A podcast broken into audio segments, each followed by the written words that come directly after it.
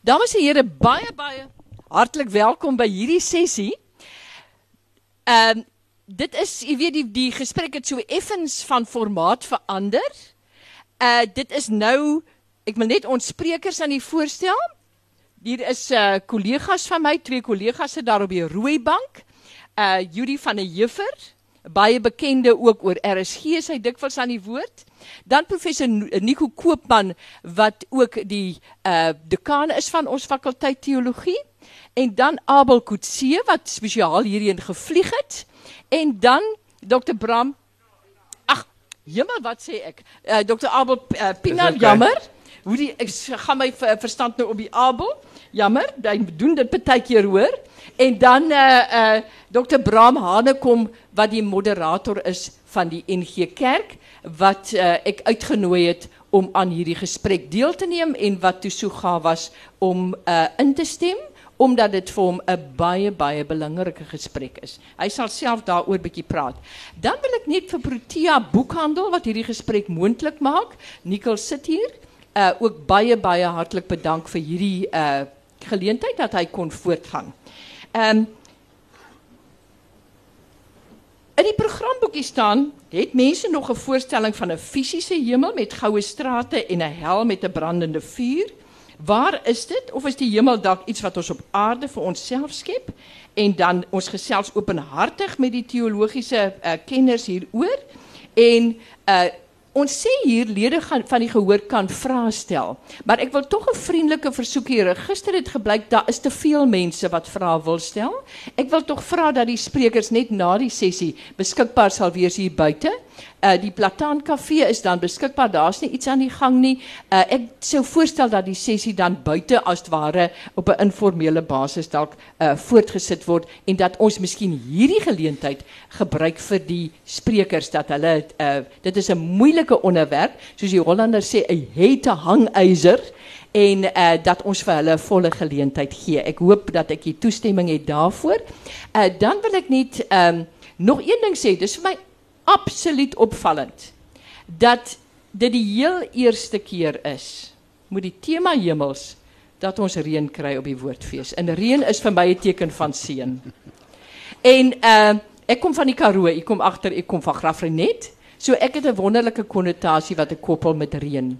En dit is vir my veelzeggend. My moeder, uh, my moeder het 'n baie letterlike uh standpunt oor die geloof self gehad en dit weet ons natuurlik. Want Nou ek weet baie min, ons gaan die kenners hoor, maar dit dan uit wat myself betref, hemel en hel is baie ou konsepte. Ons het nou al gehoor hier uh dat dit uh, miskien selfs uit die Sumeriese tyd al die vierdeling uh, stam. Die ehm uh, Grieke uh in die onderwêreld Hades die Styx wat jy moes oor uh oorsteek. Daar is verskillende konsepte. Iemand soos S.J. de Tooy wie se werk ek nou uh, bestudeer het, het geglo dat die ons natuurlik uiteraard in die eindtyd bly, maar hy het geglo dat Johannesburg die nuwe Jerusalem kan wees want die goud sal weer daar straal. En toe die goud ontdek is het hy dit geglo uit 1917 het hy gestel as die as die einde van die wêreld en toe het hy nou later gesê hy dink hy het bietjie 'n berekeningsfout begaan hier met die Bybel. Uh, hy het toe dit toe bietjie later gestel. Nou ons weet intussen het die Maya kalender al gekom en gegaan en hier is ons darm nog uh, by die woordfees tema hemels en dit is 'n baie baie relevante onderwerp uh vir hierdie dag. Nou ons gaan dit so aanpak dat ons uh ja, ek wil ook nog net sê in in die middeleeue moet die memento mori gedenk dat jy moet sterwe. Die mense het in daardie begrip geleef van die middeleeue dat die dood was vir hulle ontsettende groot begrip omdat jy die pes gehad het, jy die verskriklike siektes van daardie tyd gehad. Hulle het nie besef dat rotte die ding oordra nie, nê, die byle pes. En 'n begrip van as ware in die dood te leef. En met die renessans dan die carpe diem pluk die dag wat eintlik ook uit die begrip van dood gebore is. Maar dat hy uh, nou weer is van skep jou hemel op aarde dat dit begin het om pos toe. Nou ons gaan die ding so bietjie histories ons praat 'n bietjie histories vandag. Waar kom die begrippe vandaan? Hoe ver terug uh die uh geleerde mense gaan dit vir ons sê dan uh gaan ons so 'n praat oor dit in ons eie tyd en dan uiteindelik afsluit met miskien wat is die spreker se eie mening daaroor?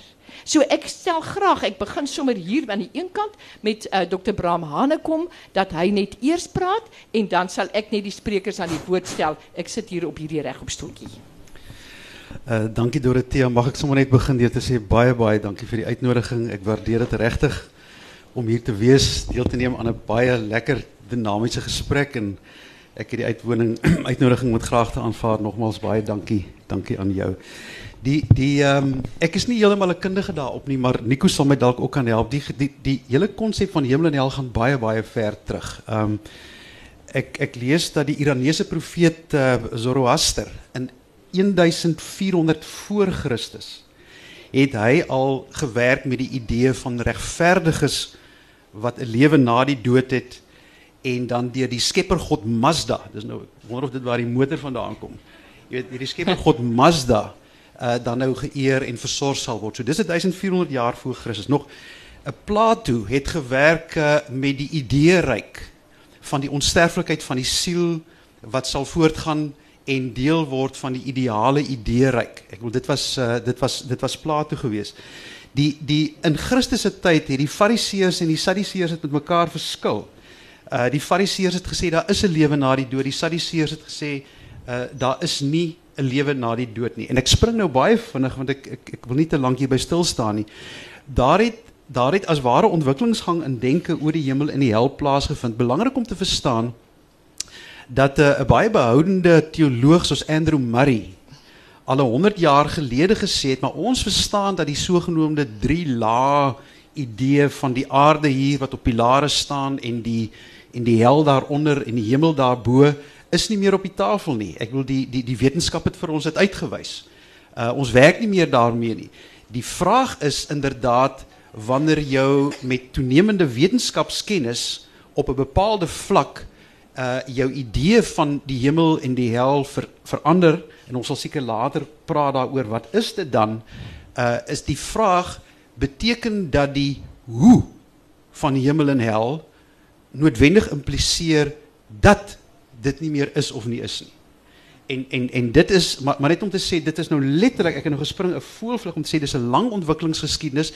Net 'n slotopmerking, ek dink parallel lopend aan die geskiedenis is dit baie belangrik om te verstaan die die lang oor amper oor eeue gesprek wat in die filosofie plaasgevind het rondom veral drie temas die kennisleer, die epistemologie, die werklikheidsleer, die ontologie, metafisika en dan die waarheidsleer. Wat hoe kry ek kennis? Met ander woorde, as ek praat oor die hemel en die hel, is dit wetenskaplike empiriese kennis? Is dit ervaringskennis? Is dit is dit kennis wat uit 'n brondokumente kom? So so die, die hele gesprek oor eeue heen is nie net geïnformeer deur geloof aan die een kant en wetenskap en ek persoonlik dink is daar's groot versoeningsmoontlikhede. Ek sal daaroor later iets kan sê, maar maar oor oor 'n verstaan van van hoe as ek praat oor kennis, oor werklikheid en waarheid. Wat is die kontoure van die gesprek? En ek dink dit is verskriklik belangrik ook vir vanoggend se gesprek dat daai kontoure goed uh, goed verstaan word. Baie dankie, Abo. Ehm um, ook baie dankie vir die geleentheid. As mens praat oor hemel en hel, dan die eerste ding wat by my wakker word is hoe hoe kom die mens behoefte daaraan? Nou as jy nou vinnig praat oor die geskiedenis, dink ek dit gaan amper nog verder want ek dink die oomblik toe die mens taal ontdek het en met mekaar kon begin praat en die traumatiese van hoor ek eindig. Ehm um, ek gaan nie aan nie. Ehm um, hier gaan my iemand wat saam met my was vir wie ek lief is, haar gaan hy dood. Wat nou? Ek sien hom nie verder nie. Um, die oomblik toe mense begin praat en begin dink oor hierdie konsep, bietjie begin filosofeer, toe direk ontstaan die behoefte en dit moet aangaan. Lewe moet aangaan. Dit kan nie stop nie. Iewers moet daar iets wees. Dit moet mooi wees. Dit moet wonderlik wees. Ons moet kan aangaan. Um en en so het 'n abstrakte idee ontstaan van iets moois ver en dit het soos die mense ontwikkel het, het het daai konsep ontwikkel. Het dit mooier geword en ouliker en het aangepas by wat dit was. In die antieke wêreld, veral in die Bybelse wêreld was daar koninkryke en daar was konings. So die hemel het ook so gelyk um kastele en plekke en 'n koning wat heers en almal gaan op en word versorg. Ek wonder net of ons nie dalk verby daai beeld moet begin beweeg nie. Um of dis goeie geskiedenis, is wonderlike geskiedenis, maar eintlik sê daai hele verloop maar net hoe die mense gedink het en gehoop het daar's iets meer. Ek dink ons is vandag nou by 'n punt wat ons met die wetenskap kan sê nee, ons kan nie meer so dink nie. Ons ons kan nie meer so kyk na die goeters nie. Dis wonderlike geskiedenis, maar dit sê meer van die mense en hoe hulle oor dit gedink het as enigiets anders. Ek dink op die ount is dit net 'n idee en ek dink jy kan praat oor die idee. Um, vinnig om net te sê my my hele benadering oor dit is as jy vir my vra is daar 'n hemel en hel, dan sal ek sê jy benader dit met kopkennis, jy benader dit met hartkennis. Iets wat jy nou gesê het. Kopkennis is um, taal is logika, analities, wetenskaplik. Hartkennis is is kreatief. Dis die taal van 'n digter. Nou die Bybel praat met daai taal. Die Bybel praat nie met 'n wetenskaplike taal nie. Hy praat nie fisies nie, hy praat metafories en simbolies en daarom is teenstellings eenvoudig, is maklik. Jy kan 'n gedig twee verskillende goed sê wat teenstellend is, maar dis oukei. Okay. En dis wat in die Bybel gebeur. Ek bedoel ehm um, gaan Jesus op en gaan maak 'n plek vir ons reg en dan kom haal hy ons soontoe of ander plek in die Bybel sê nee, die aarde word nuut gemaak. Dit maak nie saak nie, want dit is simbolies, dis 'n digter aan die woord. Wetenskaplike taal sê ek, nee, daar is nie hemel en hel nie, veral nie hoe dit nou voorgestel word en hoe ons dit nou verstaan nie. Ehm um, nee, verseker is daar nie, maar as 'n digter en metafories, ja, is daar 'n hemel en hel. Nou, dankie Abel, jy het sommer al drie vrae gelyktydig nou hier beantwoord, maar ons sal jou weer 'n praat kan gee. Ja, kan ek maar gaan. Nico, wat sê jy hieroor? Wat is jou standpunt nou histories, nê? Nee? Dankie Dorothea van my kant af ook uh, lekker om deel te neem. En uh toe ek die tema van die woordfees hierdie uh, gesien het verlede jaar, het dit my onmiddellik opgewonde gemaak. Um, so 'n bietjie dan kan jy bietjie terugsit. Nou, dankie. Jo, nee, is erbij, maar laat ek so 'n bietjie so 'n bietjie spaas. Ehm uh ek is gereeld op preekstoele waar jy so moet maak, so net so 'n bietjie bietjie hemel kry. Ehm uh, die tema hemels uh, was het my onmiddellik opgewonde gemaak uh, van hierdie hele woordfees want ek het gedink joh ek dink die organiseerders wil sekerlik deur te sê hemels erkenning daaraan gee dat hier ook iets soos hel is.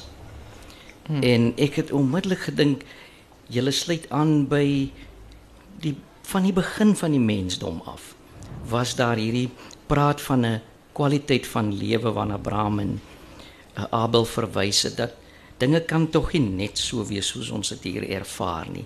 Stikkend, tragies, doodloopstrate. Daar da moet iets meer wees aan lewe. En mense het uit verskillende godsdienstige oriënterings, kulturele oriënterings, selfs sekulêre vir daardie tyd oriënterings probeer om voor te stel hoe Hulle dink oor die kwaliteit van lewe.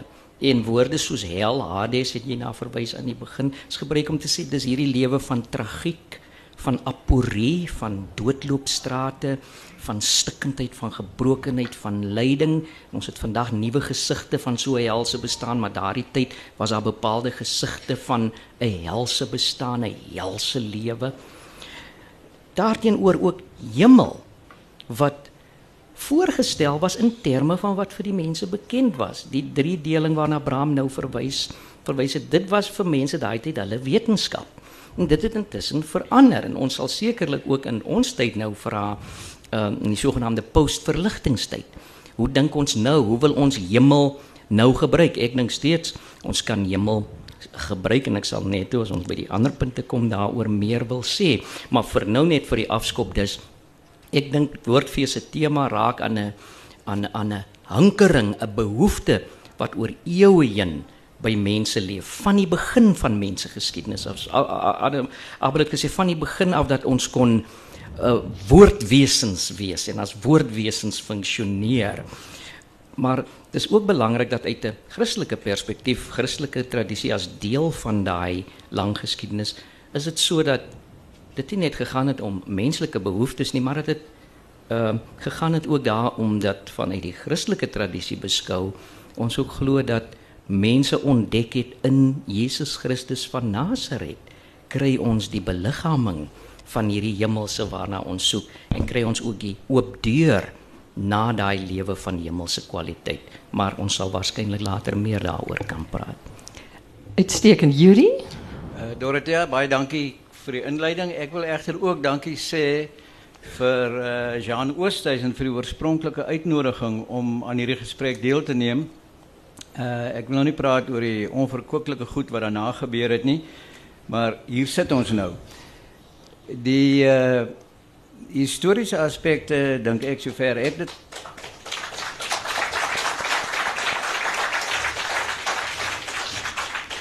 Die historiese aspekte soos ek dit verstaan van uh, hemel en hel, hoef ons basies net terug te gaan na die Ou Testament toe.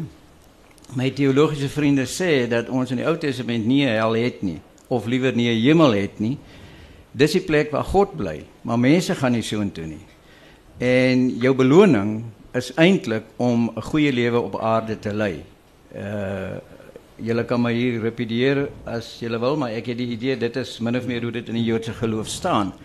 Nou ons geloof het uit die Joodse geloof ontwikkel en hulle sê vir ons daar is nie hierdie utopia waarna ons uh, waarna ons gaan as dit verby is nie. Nou uh Abel het gepraat van die kopgevoel en die hartgevoel uit 'n uh, biologiese agtergrond moet mense erken soos Chris Barnard altyd in sy geradbraakte Engels gesê het the heart is a pump uh, en dis wat die hart is. Dis uh vergrote spiervesels wat die bloed in jou liggaam pomp en wat op hormone reageer. So eintlik sit uh jou gevoel alles in jou brein. Daai neurone wat daar ontwikkel dit is dit is wat alles interpreteer wat ons doen. Uh vir my uh uit 'n geologiese kosmiese agtergrond is daar geen plek vir 'n hemel nie. Daar ons weet nie waar die hemel en waar moet die hel wees nie. Uh daar is doodgewoon natuurwetenskap luk net nie spasie vir so iets nie. Tensy mense dit dink as een of ander uh, uh figuurlike plek. Die idee dat uh mense of siele, wel die liggaam bly agter, so die siel gaan dan waarskynlik hel toe en die word vir ewig gebrand. Dan kan die hel sekerlik nie baie warm wees nie as die siele nie uitbrand nie. Nou dit is nou maar 'n baie platvloerse manier om daarna te dink, maar ek persoonlik dink as ons die idee dryf dat daar werklik 'n plek is soos hemel en hel, daar's 'n belofte dat jy na die dood iewers heen gaan waar die lyding gaan ophou.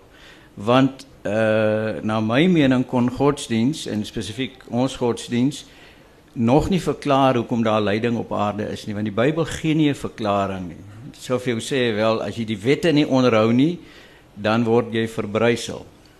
En as jy op 'n Sabbat hout versamel, word jy uitgemoor en as jy gay is, moet jy doodgemaak word. So dis nie, daar's geen nuances daar nie. En ons moet dink ek die mens uh sy eie tydigheid konfronteer.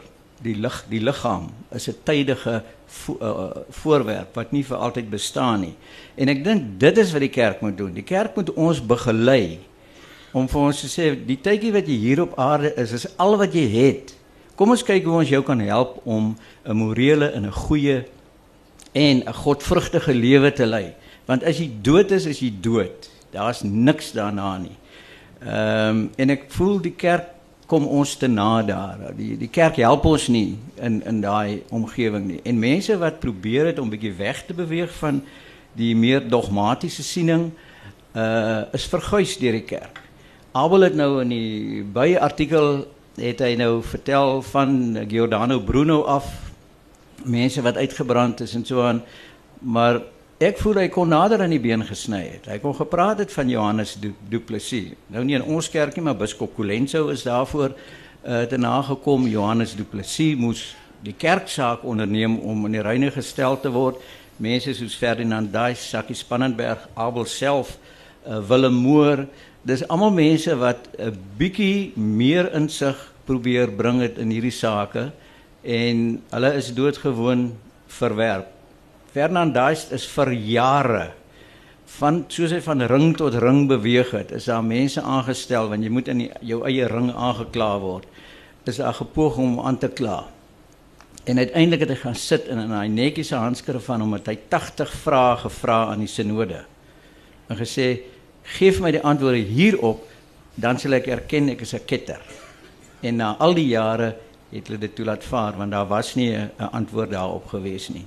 So uh my persoonlike siening is dat ons sal moet ons uh, self konfronteer met die hulp van ons geestelike begeleiers dat ons eenmalig debiteer op die aarde. Ons DNA gaan aan in ander mense. So as jy mens mooi daaroor dink dan is leef DNA eintlik vir altyd. Maar die fisiese liggaam uh die bly agter. Nou het ons darm nou lekker onderwerpe op die tafel om verder te voer. Nou, ek dink uh wat die repliek betref kan almal nou maar inspring, maar ek sien Bram sit hier oorgehaal. Uh Bram, wat sê jy? Maar ons kan maar taamlik gee net vir my 'n aanduidingkie as as as jy wil praat. Ons hoef nie nou by die repliek te bly by volgorde nie. Ek was nie bewus dat die gesprek sal gaan oor die sondes van die kerk nie. Maar net vir die rekord dat Ferdinand Duis dis een van my persoonlike heroes van studente dae af. Ehm die ehm vriende, ek dink daar's daar's twee verskriklike belangrike beginsels wat ek tog net Dorothea op die tafel wil sit. Ehm en dis seker die belangrikste sinnetjie wat ek vanoggend in my persoonlike hoedanigheid wil sê of kan sê. Hoe ons praat oor die hemel en die hel verklap nie oor hoe jy dink oor die hemel en die hel nie. Dit sê eintlik hoe jy oor God dink. Ek gaan dit weer sê. Hoe jy oor hemel en hel dink sê wat jy oor God dink. My verstaan van God is 'n God van liefde en 'n God van geregtigheid en dis gegrond op die woord God van geregtigheid, 'n God van trou, ook 'n God van toorn en van heiligheid. As ek sê net toorn, net hel, net brand, dan verteken ek God. As ek sê net liefde, dan verteken ek God. En enige konsep, enige idee wat jy van of hemel of hel bou vir jouself, enige individu wat op enige manier 'n aanduiding gee dat God onregverdig is of liefdeloos is of die kwaad wat plaasvind sommer net goedertrou laat verbygaan asof dit niks is nie, is na my mening 'n vertekening van wie God regtig is. En en ek dink dis die eerste. Die tweede uh kan wat, ek net voor jy nou te vinnig aangaan wat jy sien wat hier gebeur is is is ek hoor wat Braam sê, maar hy praat van die aanname dat God bewysbaar is. Dit dit wat hy sê van God van liefde en goed, ons almal stem saam. Hy praat as 'n digter. Hy praat poëties, simbolies, metafories. Niks van wat hy nou gesê het is wetenskaplik bewysbaar nie. God is nie bewysbaar nie. Ehm um, die hemel en hel is nie bewysbaar nie. So ons moet heeltyd onderskei tref. Ek verstaan die hart uh, ek het bedoel, jy sien dis nou wetenskaplik is. Hulle verstaan nie as jy sê ek voel ek word een met die sonsondergang dat dit poëties bedoel word. Jy gaan nie regtig een word met die sonsondergang nie. So ek verstaan jou aanname dat hart is 'n pomp. Maar dis harttaal. En ons hoor dit en ons verstaan dit en binne daai konsep kan ons nou verder praat. God is liefde, ja. maar dit is onderskei dit. Ja. Ek ek Dorothea, dit is hoekom ek dit het hoekom ek gesê het ons nie tyd om daarin in te gaan nie dat jou premisse waarmee jy uit jou vertrek oor jou kennis leer, jou ontologie so verskriklik belangrik is en ek ek ek besef dit verskriklik goed. Jy sit met 'n empiriese werklikheid, die wetenskap, en dan sit jy met 'n geloofswerklikheid. En en dit is hoekom mense uh, baie maklik by mekaar verbypraat, maar dat ek miskien tog net en jy weet in die filosofie is daar al lang boeke geskryf oor argumentasie oor God en God al dan nie. Maar ek um, ek lees van 'n van 'n Brasiliaanse, hulle noem hom 'n bevrydingsteoloog, teoloog, Segundo Galileo, nie Galileo nie, Galilea wat 'n argument op die tafel sit wat my tussen die oë geslaan het as iemand my eintlike werk, ek werk in armoede en sorg.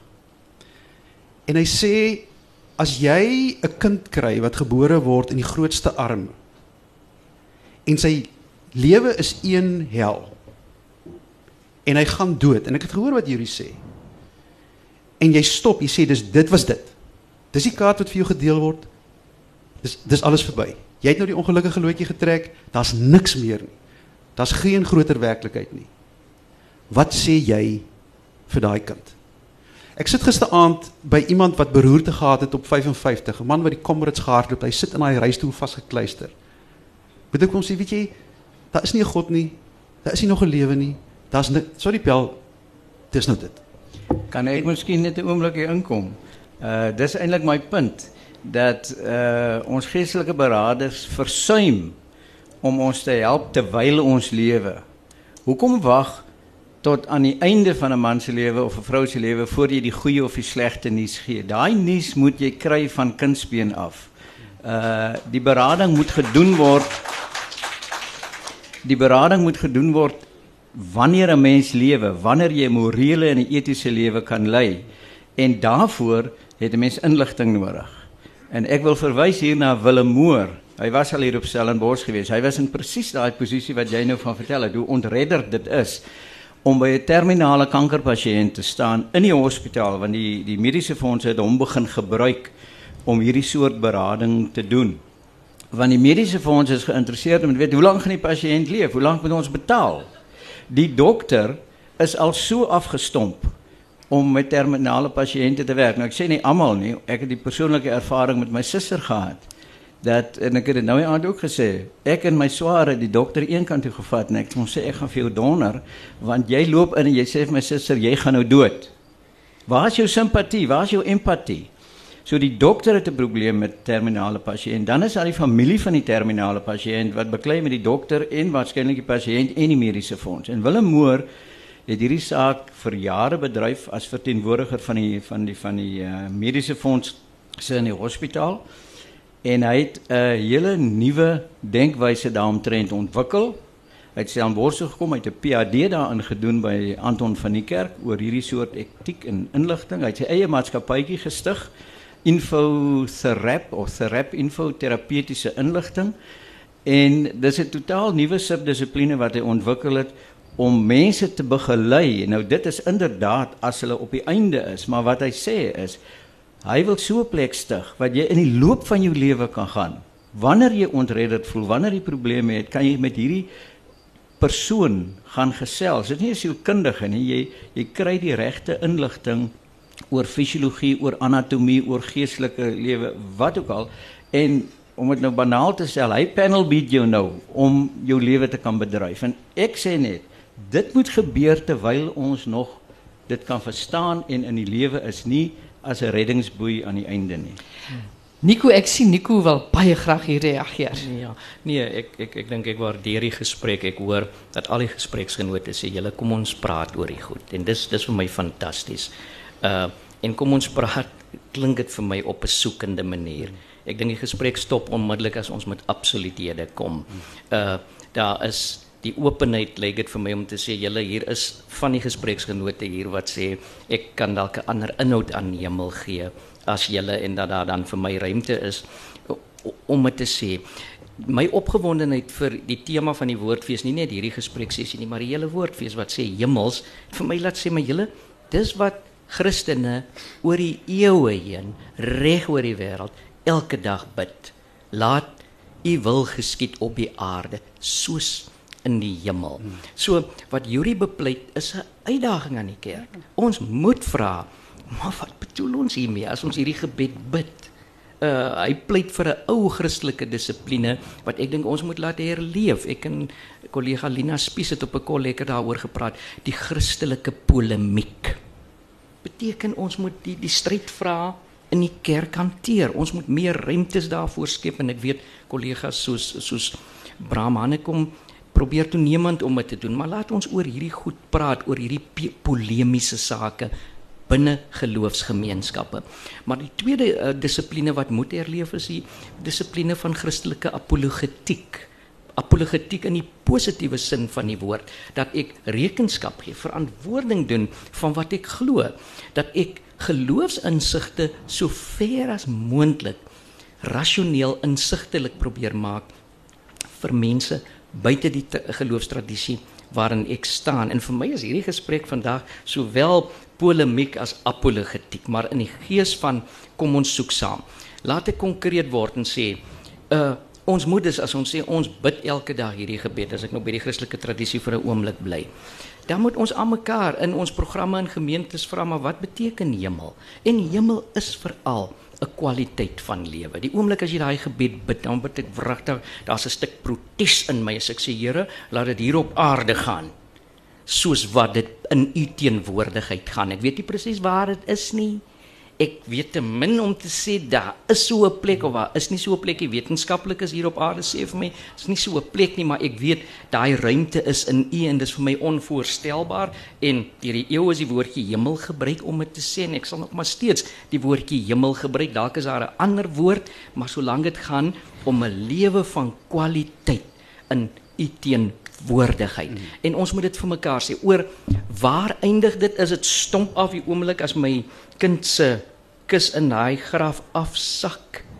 Op 'n manier is ek weer by daai punt waar ek kan nie sê hier's als nou verby nie. Ek weet net hier's 'n kontinuïteit. Ek weet net dit gaan voort. Ek weet net hier's iewers sal ek en hierdie kind nog steeds gemeenskap ervaar. 'n uh, en gemeenskap met God en ander en ek stem saam.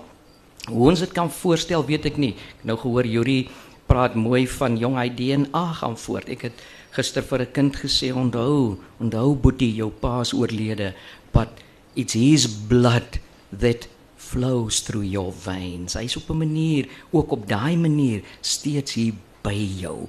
En ek ek wil diep in my hart sê die hemel bring by my ook die hoop, die hoop dat dat hy kus wat daar sak nie die laaste is nie, dat iewers sal die aardse lewe van totale stikkindheid iewers kom dit verby en moet ons is is daar vir my tog die hoop dat iewers sal elke ou kindjie wat vandag die brood het nie sal daai soort lewe verby wees.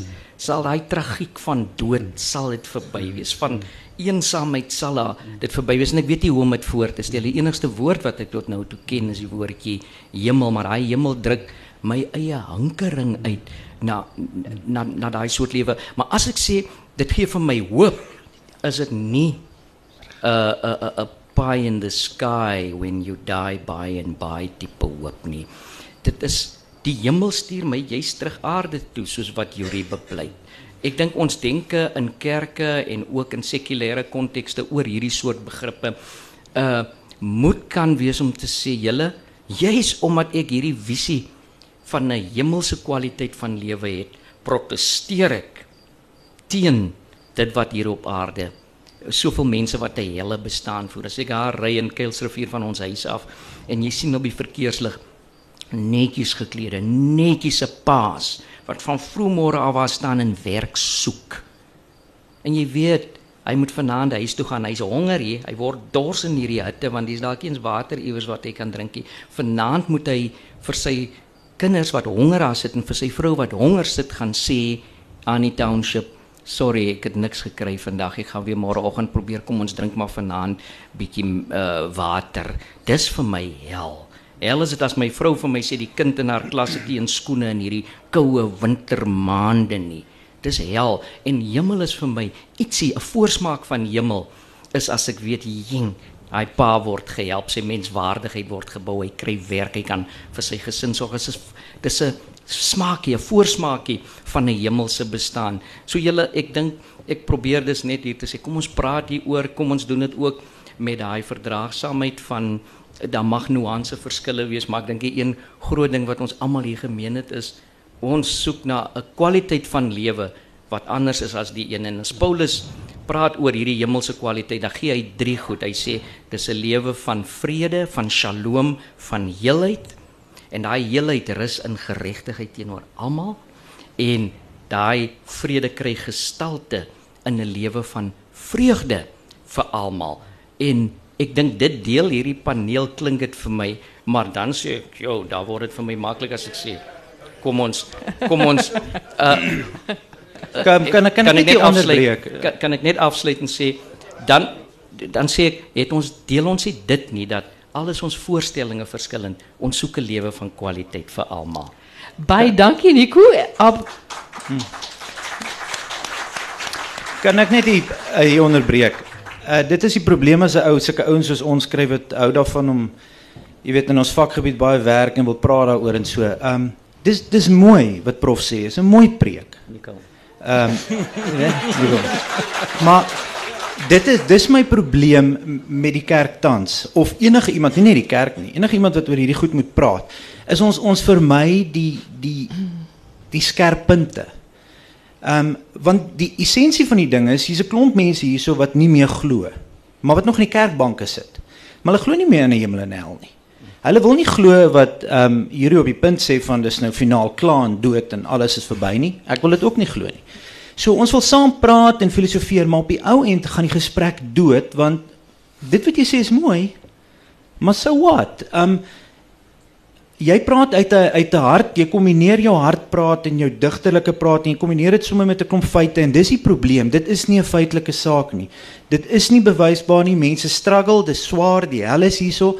Maar kom ons maak dit oop en kom ons praat eerlik oor wat gaan in mense se harte aan. Ehm um, en ons ons maak dit nie dof en wollerig met mooi woorde nie want dit wat jy sê is 'n mooi preek. En ek sou graag wil nooi na Renaissance as ek kom preek daaroor, maar dis nie die plek nie. Die plek is hier om te sê, wat dink ons van die hemel en hel? Is dit so? Is dit nie? Is dit nie so is nie? Wat dan?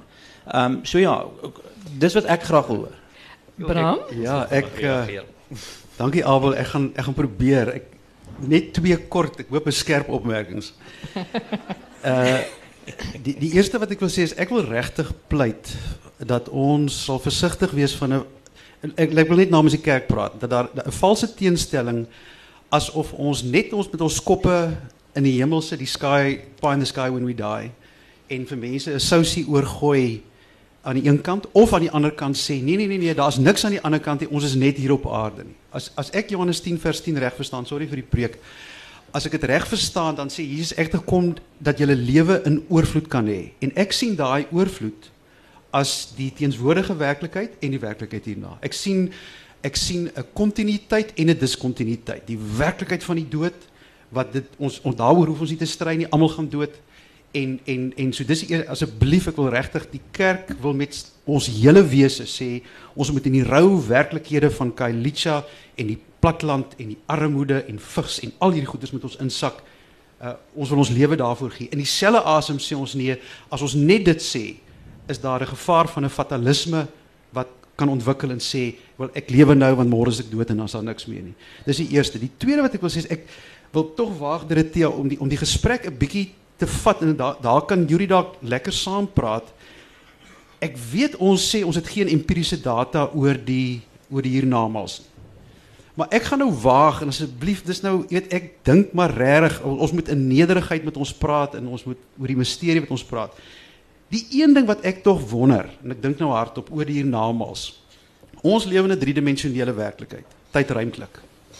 As die as die Bybel praat van 'n ewigheid, is dit so wetenskaplik dat daar meer dimensies moontlik is? Is daar 'n dimensie sonder tyd? Is daar 'n dimensie wat nie tydruimtelik is nie? 'n Dimensie waarin God is na die dood in die in in die kosmos. Uh ek ek begin oor die goed dink En dan raak dit vir my baie maklik om te sê, weet die hele gesprek oor is die duiwel is die is die is die hemel en die hel 'n plek. Is is eintlik is, is vir my 'n vervelige gesprek. Ek ek wil ek dis nou maar persoonlik. Maar maar maar ons ons ons delf in die dieper misterie van die ondeurgrondelikheid van die kosmos. En al wat ek dan verder kan sê vanuit my geopenbaarde werklikheid van die woord, daar is bepaalde kontoure aan daai werklikheid. Nie eksak wetenskaplik nie, Maar maar dit is die tipe gesprek waarna ek graag, jy weet, sal sal deelneem. En miskien as ons dan hoef ons mekaar nou nie aan te val en jy weet dan kan ons sê maar hoe hoe dink ons oor die goed? Yuri. Ja, dis uh baie dankie. Dis uh goed dat jy so sê Brian. Uh, Bram, ekskuus. Ehm um, die fatalistiese aspek wat jy van gepraat het, uh sou ek meer van ver, verskil. Juis as 'n mens in 'n uh, kosmologiese ontdekkingsreis gaan die die feit dat ons wel bestaan hier bestaan in hierdie ontsettende groot heelal uh bring 'n groot mate van verwondering mee. Absoluut. So al het 'n mens 'n tydige bestaan is jy het jy het jy hierdie eenmalige debuut in hierdie wonderlike opset. So ek sien nie daarin dat dit 'n uh, 'n uh, fatalistiese ding is nie. Want baie mense sal vir jou sê ja, maar as jy nou al dit weggooi, die hemel en die hel en selfs geloof, uh, dan gaan die aarde 'n baie banale plek word en jy gaan energie hê. Uh ons het 'n praktiese teenstelling daar dat die samelewings in die wêreld vandag wat die mees morele lewens lei in terme van armoede en hulp en misdaad die, die hele kompleks uh, uh, daarvan is juis daardie samelewings wat oorwegend ateïsties is. ehm wat nie hulle hoop op 'n hiernamaals of 'n opperwese plaas nie en weet jy moet nou hier eties en moreel optree. Dis die een punt. Die uh, die ander punt uh, wat het ek hier geskrywe oor die dimensies? Uh, ja, die dimensies is die werk vir die fisici. Hulle praat van uh uh veelvoudige heelalle wat naasliggend is. Uh die goed is hipoteses en uh ek is nie bevoeg om oor oor daai goed te praat. Hierdie idee van 'n multiverse en dat daar parallelle heelalle is. Uh dit is nog nie uitgeklaar nie. Ons weet nie hoe dit werk nie. Ons weet eintlik net dat ons hier is in hierdie heelal. Ehm um, maar ek wou aangesien ek nou in elk geval op die verse tak van die boom sit al klaar en julle is heeltemal ge uh ehm um, by magte om my te kritiseer daaroor wil ek net iets verder sê oor hierdie kwessie van die hemel. Uh en waar kom die idee van die hemel vandaan? Nou daar is 'n soort verklaring uh, dis my verklaring, dis 'n hipotese, ek het geen gronde daarvoor nie. Maar 'n mens kan 'n storieetjie aan mekaar sit daar. As ons kyk na die ehm um, oormense, ons voorsate, waarskynlik die voorsate van alle mense op aarde wat onder by Pelican Point, Pelican Pelican Point gelewe het. Ehm um, dan kry mense hulle oorblyfsels daar, mense kry hulle uh perlemoenskulpe met hulle kleurstowwe in en jy kry die oorblyfsels van hulle voedsel daar en hulle handbuile wat hulle gemaak het. Die seekos wat hulle versamel het, uh groei en leef op 'n diepte wat eintlik net bereikbaar is met epgety. As die water regtig laag is, dan kon jy daar ingegaan het en jy kon daai goed uithaal. So hulle moes een of ander bewussyn gehad het, een of ander manier om te bepaal wanneer dit nou eb gaan wees, die laagste van die laagwater. En dis natuurlik gekoppel aan die maan. So die aanduidings daar sê die paleoantropoloog is dat hulle 'n soort maankalender uitgewerk het 160 000 jaar gelede. Het hulle die insig en die kennis gehad om na die natuur te kyk en dis seker hoekom die maan in sekere kulture 'n god geword het, 'n vroulike god dink ek. Hulle kon die tekens van die natuur lees tot hulle eie voordeel.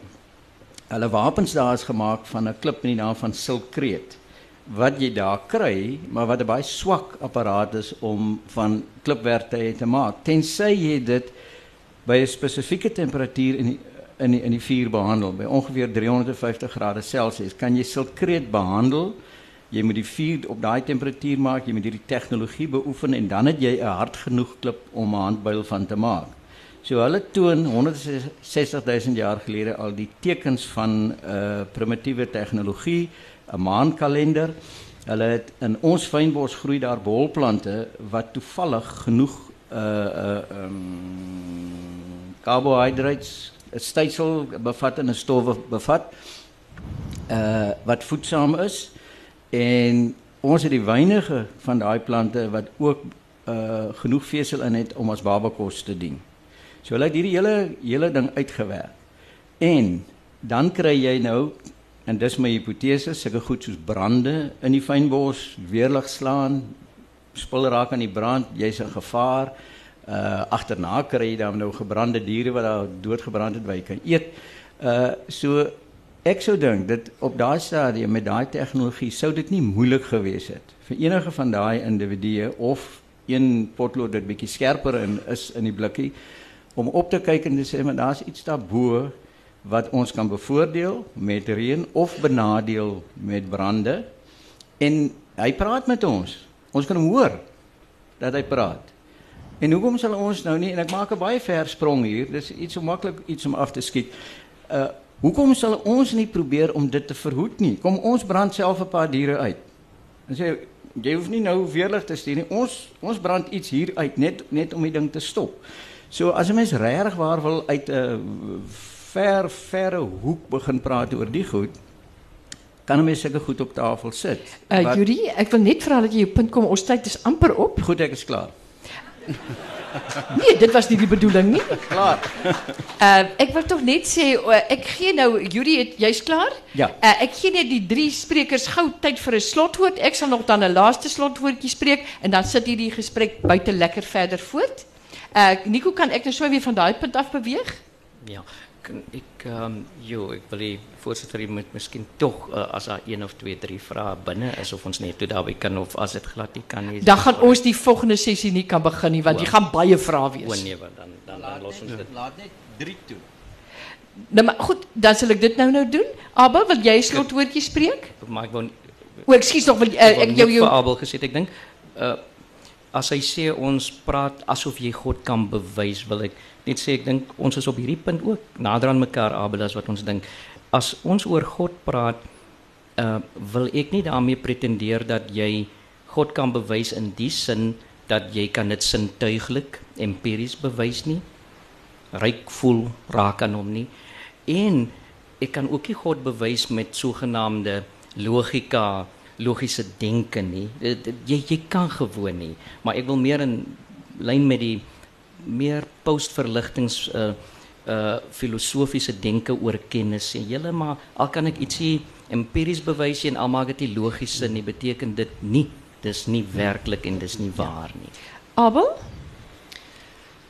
Ek wil sê dat die gesprek wat vir my hartseer is oor John en al die goed wat gebeur het is moenie noodwendig hier gebeur nie. Ehm um, dit moet die heeltyd oral gebeur. Ehm um, dat ons kan praat en eerlik kan wees oor hierdie goed want die probleem is die oomblik as jy oor hemel en hel praat asof dit feitelike logika is. En dis waar ek dink die kerk 'n fout maak. Want dit is nie. Ja.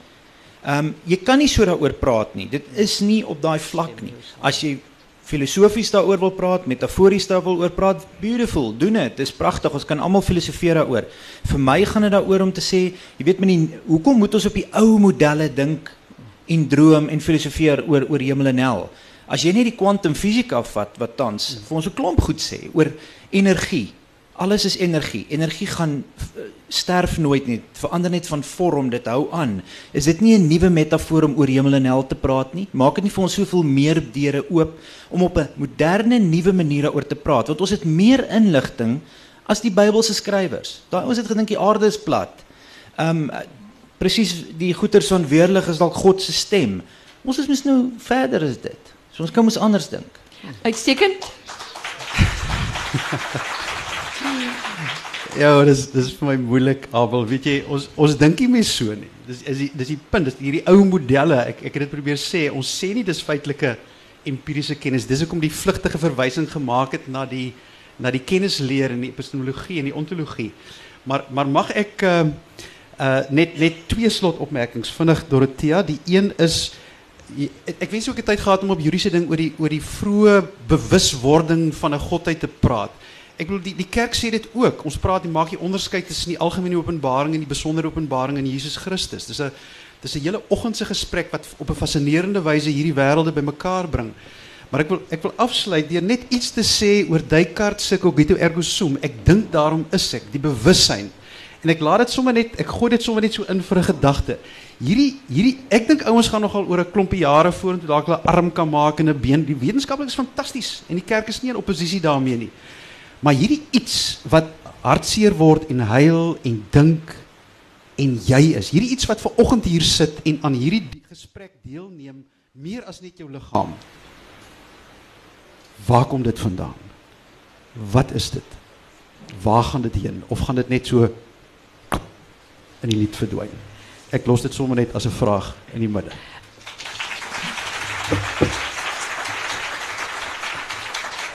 Dames en here, net so ter afsluiting, ons het gister 'n pragtige beeld gehad van ons is almal mense wat inkyk na die na die rondavel en verskillende dinge sien, verskillende perspektiewe. My voorstel was toe dat ons liewer sê ons is in daardie rondavel saam en ons kyk uit na die oneindige. En ons het elkeen kyk uit verskillende hoeke of kante, wel het nie hoeke nie. Elkeen het ons klein perspektief. Dit die eerste een wat ek wil laat, die tweede een wat Paulus gesê het, die geloof is 'n vaste vertroue op dit wat ons hoop. Vaste vertroue op dit wat ons hoop. En dan net nog een ding wat ek ook ek ja, en is raak gelees het, is dat in die sterwensoomblik die brein plotseling op 'n geweldige positiewe noot, ons kry dit met hierdie nadoodse ervarings ook. Plotseling daai wonderlike verlossende gevoel kry. Gevoel in die brein, dit is fisiologies selfs bepaal en dat dit teleskopeer deur alle tye want tyd word opgehef. Dit maar net my dinge. Dink verder daaroor na. U sien ons sal nooit die antwoorde kan kry op hierdie vrae nie en dit maak dit so fascinerend. En dit maak die rede waarom ons oop gesprek moet hê oor hierdie dinge ook so kardinaal.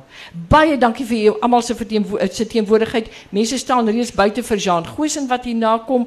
Ek is so jammer. Ek sou baie graag dat ons nog verder wou gesels, maar gaan gesels gerus hier in die Plataan Kafee. Daar's lekker breë stoepe. Uh praat hierdie ding uit. Ons kan selfs die mikrofone daar gaan opstel vir u op die verhoog as u behoefte daaraan sou hê. Dankie jou.